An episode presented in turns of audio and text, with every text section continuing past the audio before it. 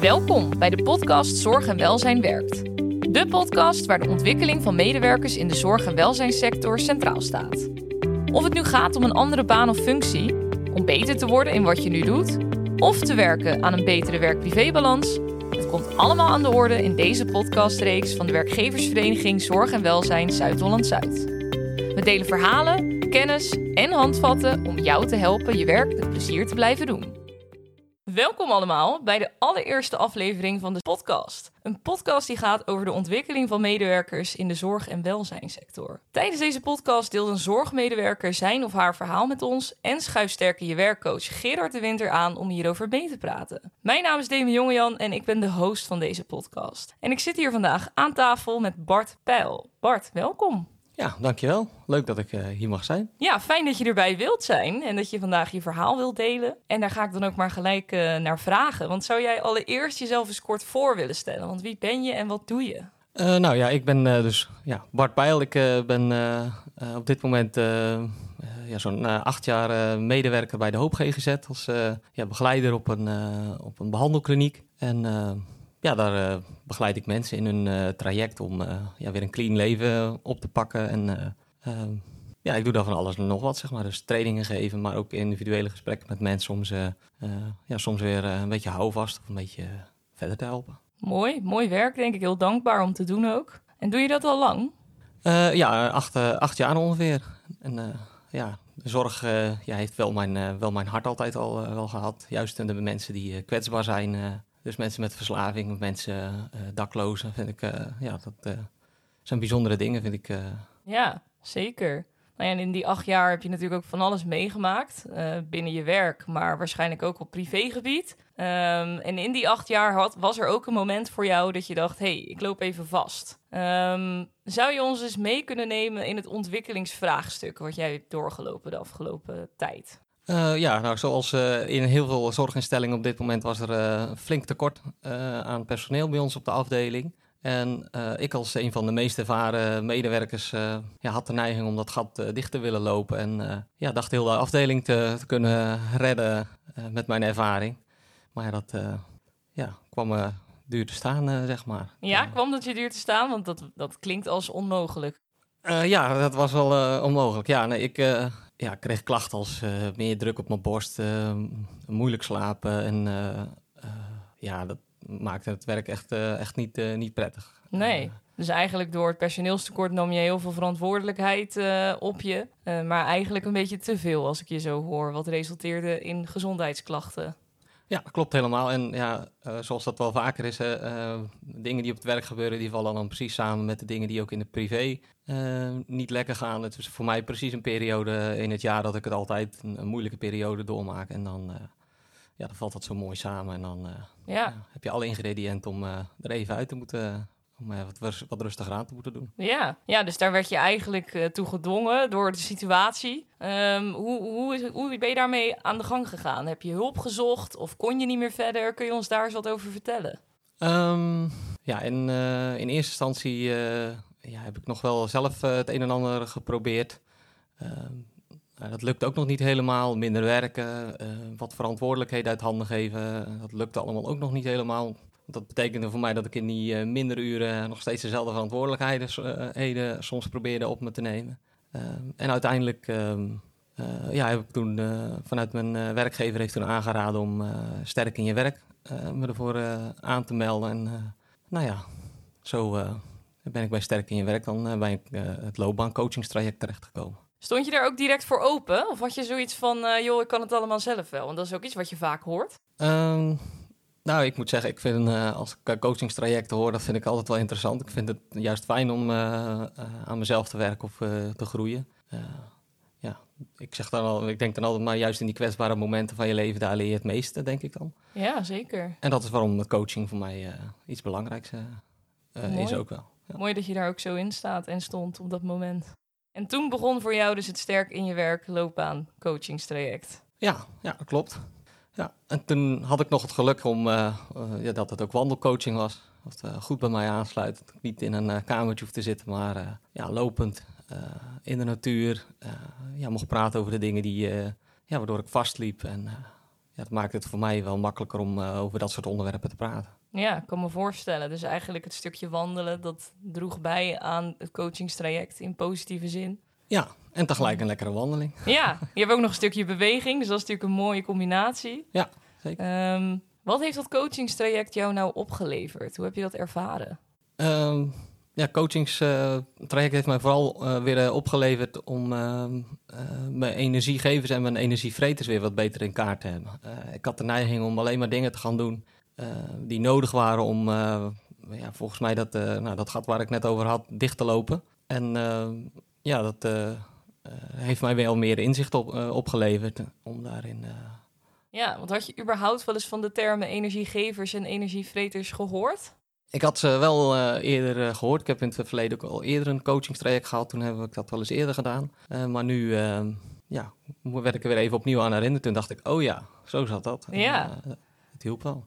Nou ja, dan sta je daar bij stil, hè? dan heb je het daarover. Of nou, je staat er niet letterlijk bij stil, want je bent aan het wandelen. Maar je hebt het daar wel over met elkaar. Um, en dan moet je, word je natuurlijk geforceerd om eens goed na te denken over wat geeft mij energie. Um, maar ook wat slurpt energie. Uh, wat, wat kwam daar nou uit naar voren bij jou? Nou, wat er naar voren kwam. met name met de energiegevers uh, was ik eigenlijk min of meer vergeten. Voor mij waren de energiegevers op dat, uh, op dat moment vooral het laagdrempelige contact. Uh, juist de groepsinterventies, contacten ja, in de groep op de afdelingen waar ik werk. een stukje trainingen geven aan de mensen die ik, die ik begeleid. dat werd steeds minder.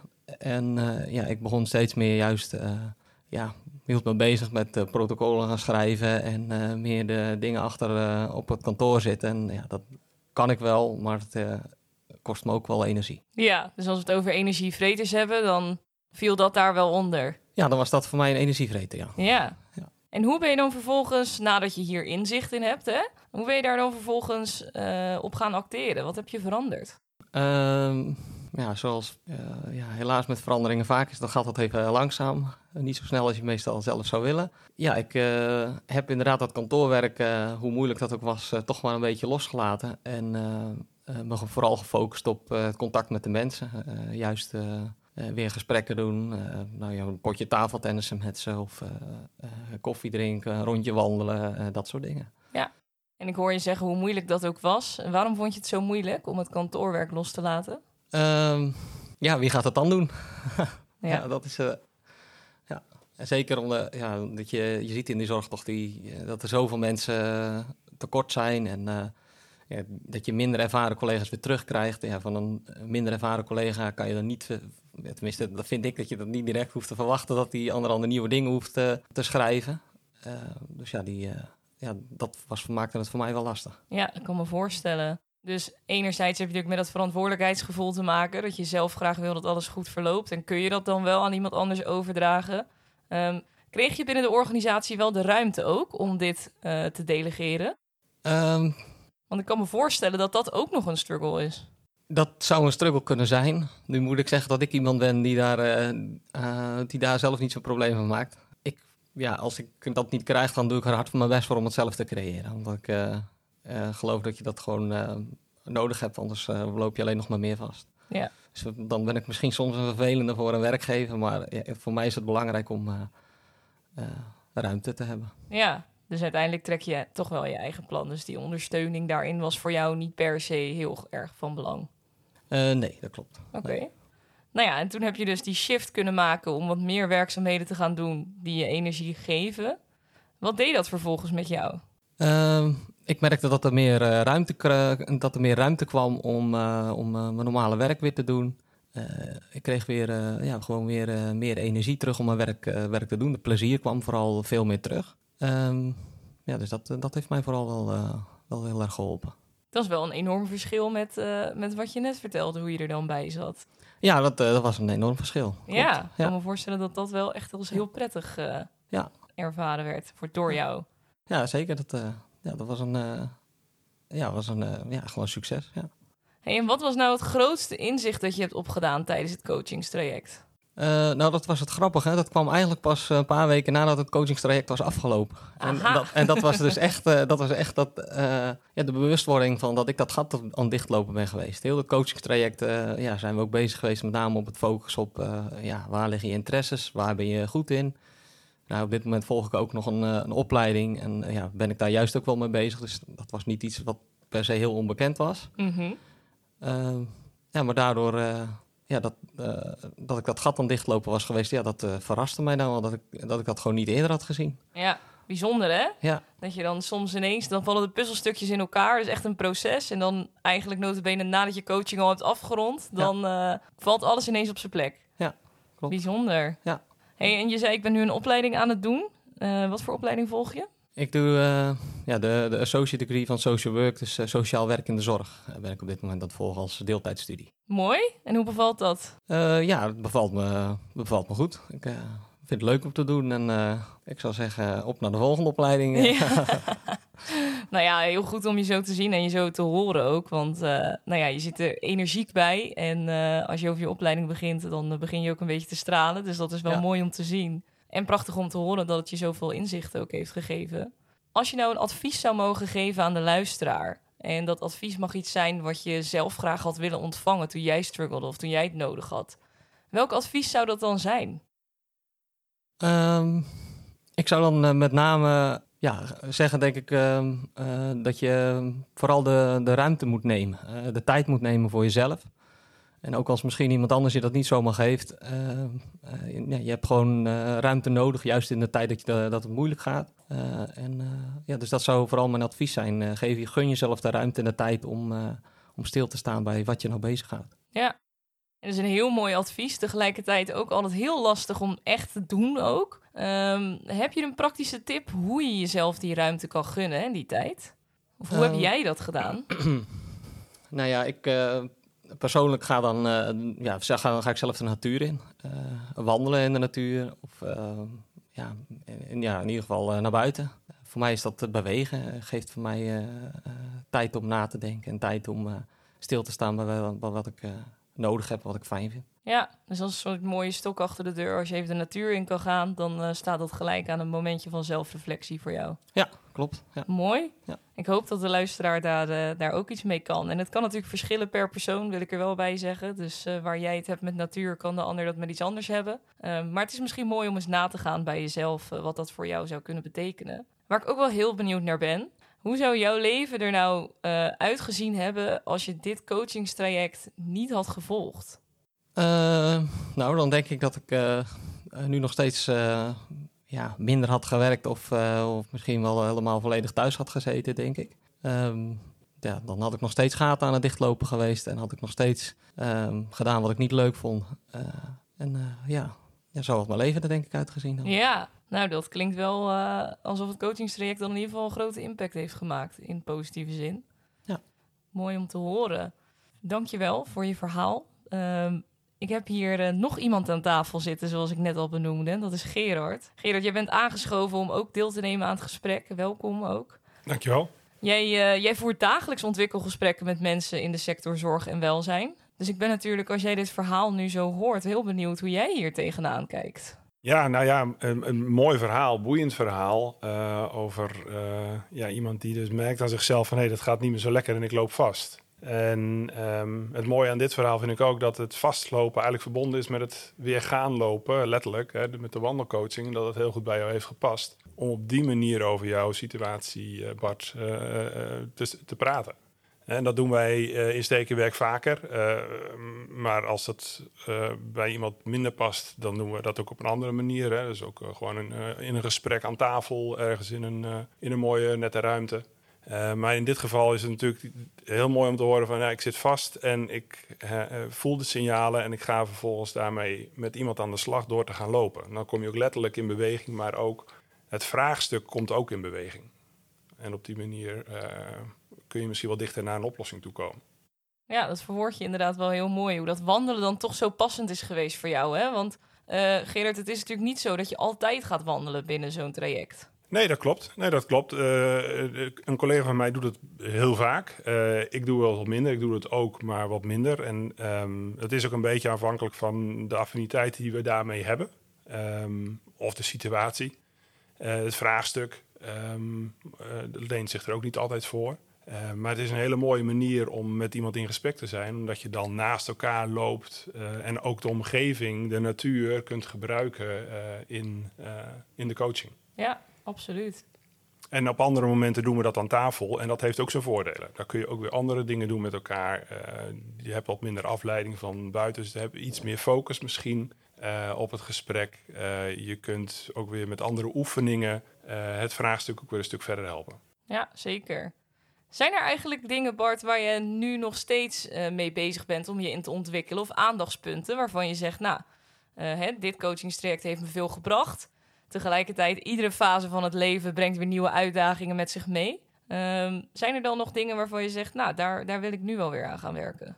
Um, ja, ik ben een persoon die nooit stil zit. Dus ik, uh, ik denk dat, ja, er zijn altijd dingen waar ik, waar ik mee aan het werk ben. Ehm, ja, een van de dingen waar ik nu met name mee aan het werk ben, is ja, een stukje groeien in sturing geven aan een team waarmee ik werk. Waardoor ik die gaten niet meer zelf hoef dicht te lopen. Waarbij ik dat misschien wat meer ja, met mijn collega's kan delen en, ja, en daarin meer kan betrekken.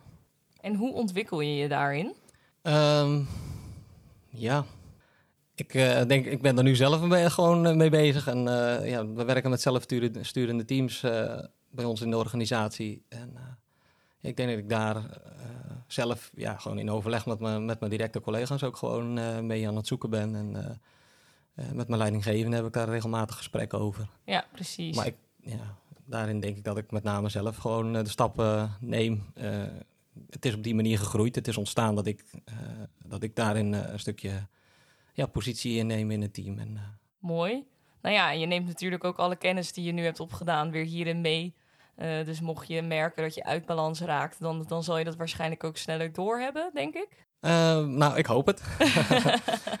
ja, nou, bij mij persoonlijk past, uh, passen de wat meer grillen en dat soort dingen sowieso al meer, wat meer stemmingswisselingen, dat dat, dat, dat wat meer gebeurt. Dus bij mij hoort dat gewoon en ja, zo af en toe zal ik dat gewoon nog weer even nodig hebben. Ja, en hoe um, zorg jij ervoor dat je dan toch die balans behoudt, ondanks de wisselingen die je soms ervaart die bij jou horen, zoals je dat dan benoemt? Uh, ik kan me voorstellen dat dat ook lastig maakt om uh, bij jezelf te blijven checken hoe je die balans dan behoudt. Ja, dat, dat, is, een, dat is, een, hele goede vraag. Ja, ehm, ja, ik probeer dan toch regelmatig voor mezelf rustmomenten in te bouwen weer om, uh, om tijd te nemen voor mezelf, om na te denken over wat houdt me bezig, hoe gaat het met me, hoe zit ik erbij. en dat houdt mij, helpt mij om in balans te blijven. Ja, mooi. Gerard, ik zie jou druk meeschrijven. ja, ja, ja ik, ik, hoor natuurlijk hele ja, aanknopingspunten ook voor, wat ik herken zeg maar, in de gesprekken die wij voeren. En um, wat een van de dingen daarbij is, dit gaat over in balans zijn. Hè? Dus is een van de onderwerpen die vaak natuurlijk bij ons uh, langskomen. Zeker omdat wij, uh, Sterk in je werkcoaching is voor mensen die in de zorg werken of willen werken. En bij de mensen die in de zorg werkzaam zijn, in zorg en welzijn, speelt dit vaker natuurlijk. Hè? Dat is een, heel uitdagend beroep, zeker in deze tijd. Er wordt heel veel van de mensen gevraagd. En, en, en dan is de kunst om, om overeind te blijven. En wat ik mooi vind aan wat Bart vertelt, is dat uh, hij ook zei: Ik heb al eerder die energiegevers en vreters in kaart gebracht. in een eerdere fase van mijn leven. En nu heb ik dat opnieuw moeten doen. Hè? Dus het is ook niet iets wat je één keer uh, doet en dan dat het klaar is, dat het opgelost is. Hè? Je komt in een andere fase van je leven misschien weer juist diezelfde dingen weer tegen of andere dingen. In ieder geval um, kun je ook in een latere fase weer opnieuw uit balans raken. Dat is, dat is normaal, zou je bijna zeggen. Dat is menselijk op zijn minst. En daarbij is het belangrijk, denk ik, om de signalen bij jezelf te herkennen. Van oké, hey, nu merk ik dat ik weer uh, een beetje wankel word, of dat het zwaar wordt, of dat ik ga vastzitten. Het is maar welk woordje eraan geeft.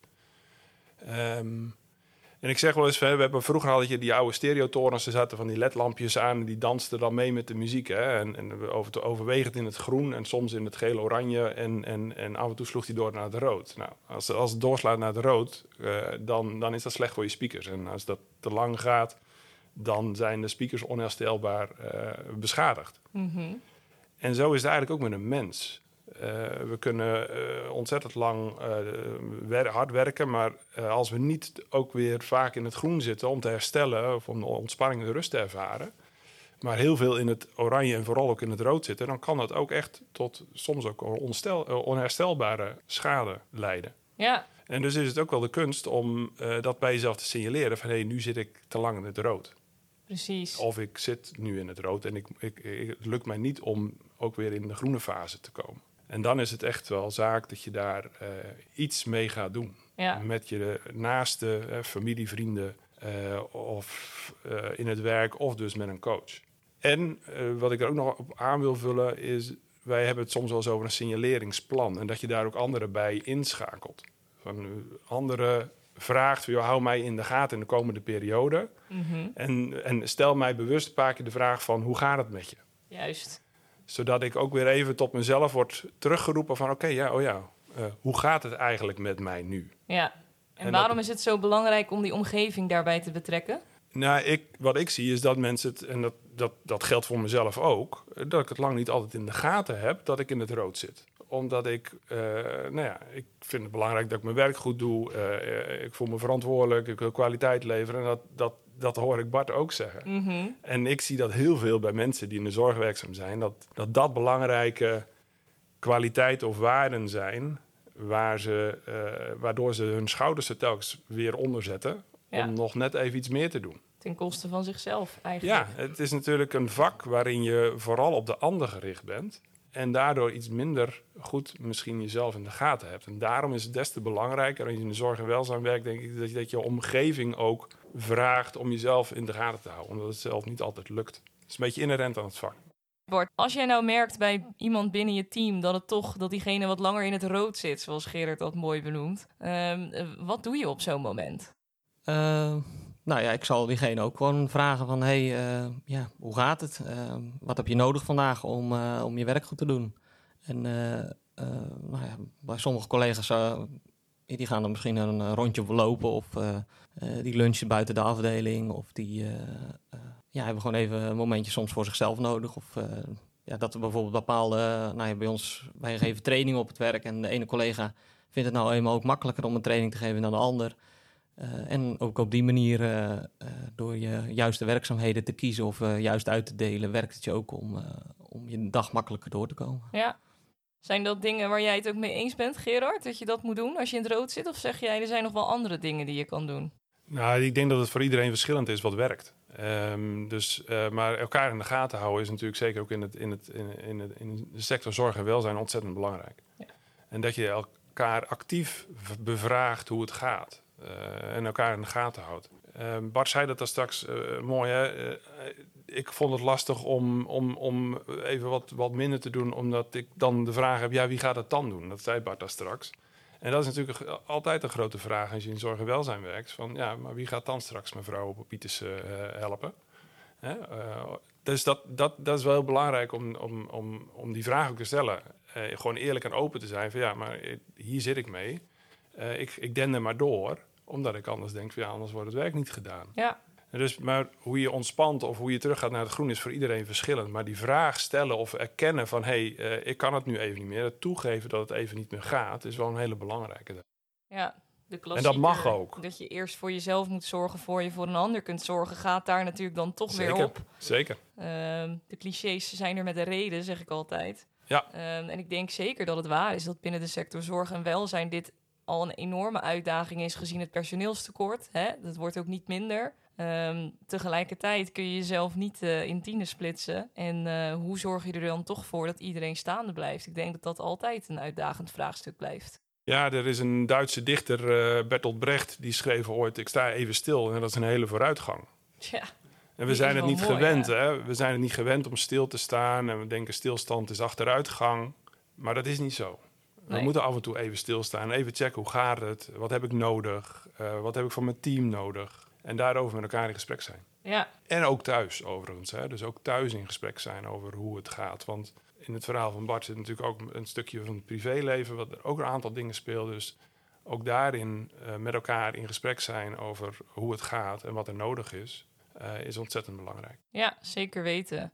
Nou ja, en misschien goed voor de luisteraar om te weten dat uh, mochten zij behoefte hebben aan de coaching, dan uh, is het mogelijk om dat via Sterk in je werk ook uh, te doen. Ehm, dat kan ook via de website. Dus mochten mensen daarin geïnteresseerd zijn, dan, dan is dat mogelijk. Ehm, Bart, het is misschien een voor de hand liggende vraag, maar wat zou je de luisteraar adviseren om zo'n coachingstraject te volgen? Nou, sterker nog, dat is al twee keer gebeurd dat ik mensen geadviseerd heb en die zijn er ook al aan begonnen. Die zijn er zelf ook al, al ja, zeer tevreden over. Ehm, ja, vooral uh, het aanmelden en dat soort dingen liepen, liepen heel makkelijk. Het was uh, vrij snel geregeld. Uh, en ehm, ja, ook van ja, de mensen wie ik het aangeraden heb, hoor ik positieve reacties over wat het zo opgeleverd heeft aan inzichten.